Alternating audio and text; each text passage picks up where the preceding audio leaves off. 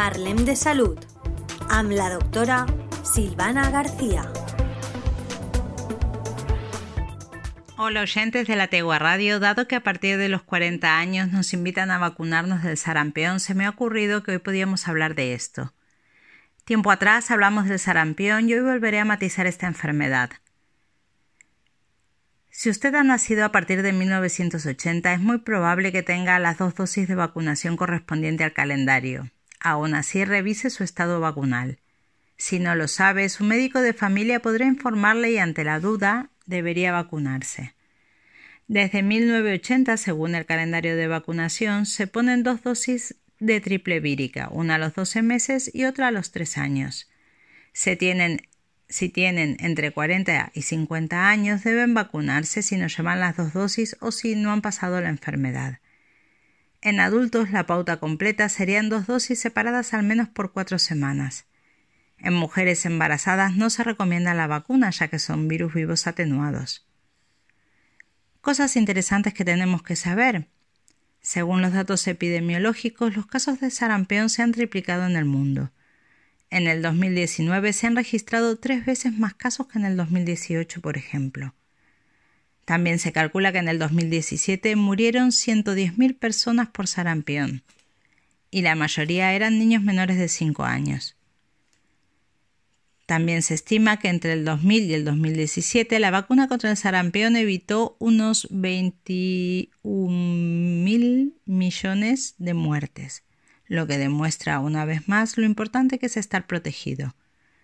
En España, de los 233 casos de sarampión confirmados entre el 1 de enero y el 21 de julio del 2019, son casos importados o secundarios a estos y la transmisión se ha interrumpido sin mayores incidencias.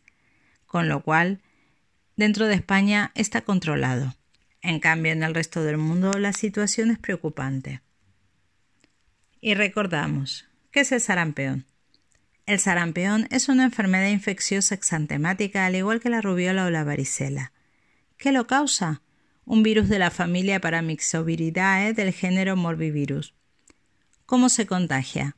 La transmisión del virus del sarampión ocurre por contacto directo por las gotitas infectadas provenientes de alguien enfermo. Se contagia desde 3 a 5 días antes de la aparición de las erupciones hasta 4 días después. ¿Cómo se desarrolla?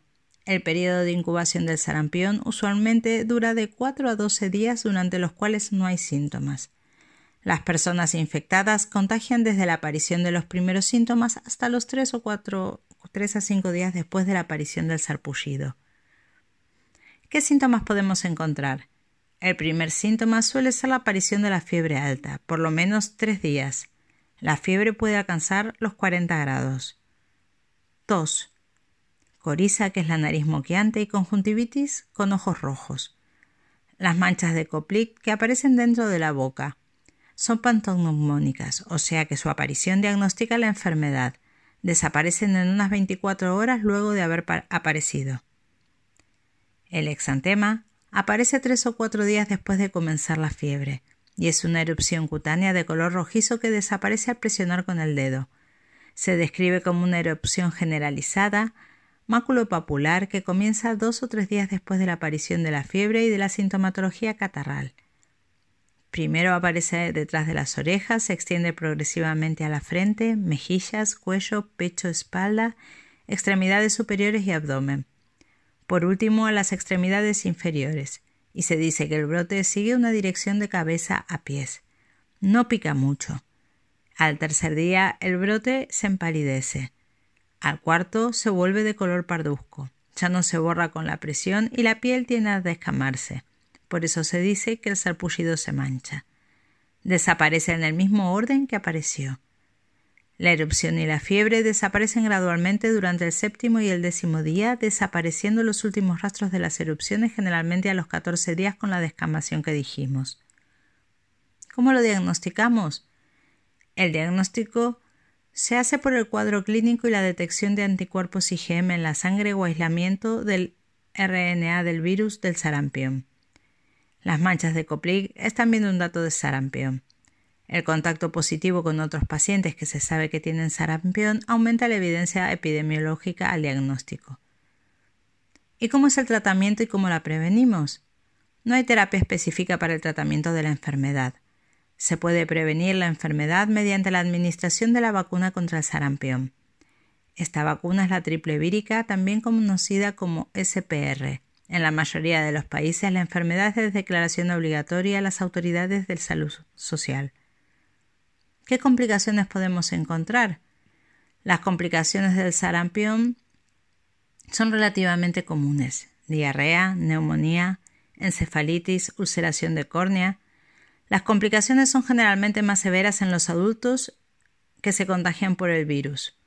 Una complicación rara pero de extrema gravedad es la denominada panencefalitis esclerosante subaguda. En los países desarrollados, la mayor parte de los niños están inmunizados contra el sarampión a la edad de los 12 meses, generalmente como parte de la vacuna triple vírica, sarampión, paperas y rubiola. La vacunación no se aplica antes ya que los niños menores de 12 meses retienen inmunoglobulinas antisarampiónicas, anticuerpos transmitidos de la madre durante el embarazo. Un refuerzo de la vacuna se debe recibir entre los 4 y los 5 años. Administrando la primera dosis a los 12 meses y la segunda a los 24 meses, se reduciría el riesgo de contagio de niños no vacunados o incompletamente vacunados. Actualmente en España solo existen vacunas del sarampión combinadas con la de la rubiola y la parotiditis en forma de vacuna triple vírica SRP o combinada con rubiola, parotiditis y varicela en forma de tetravírica SRPV. Los niños con alergia al huevo no tienen ningún riesgo especial de reacción de hipersensibilidad a la vacuna, por lo que pueden ser vacunados en sus centros de atención primaria. Pues nada, no olviden que es importante vacunarse. Hasta aquí hemos llegado con el tema de hoy. Una vez más espero que les haya gustado y los invito a compartir. Gracias por estar y hasta el próximo jueves. Los saluda Silvana. Parlem de Salud amb la doctora Silvana García.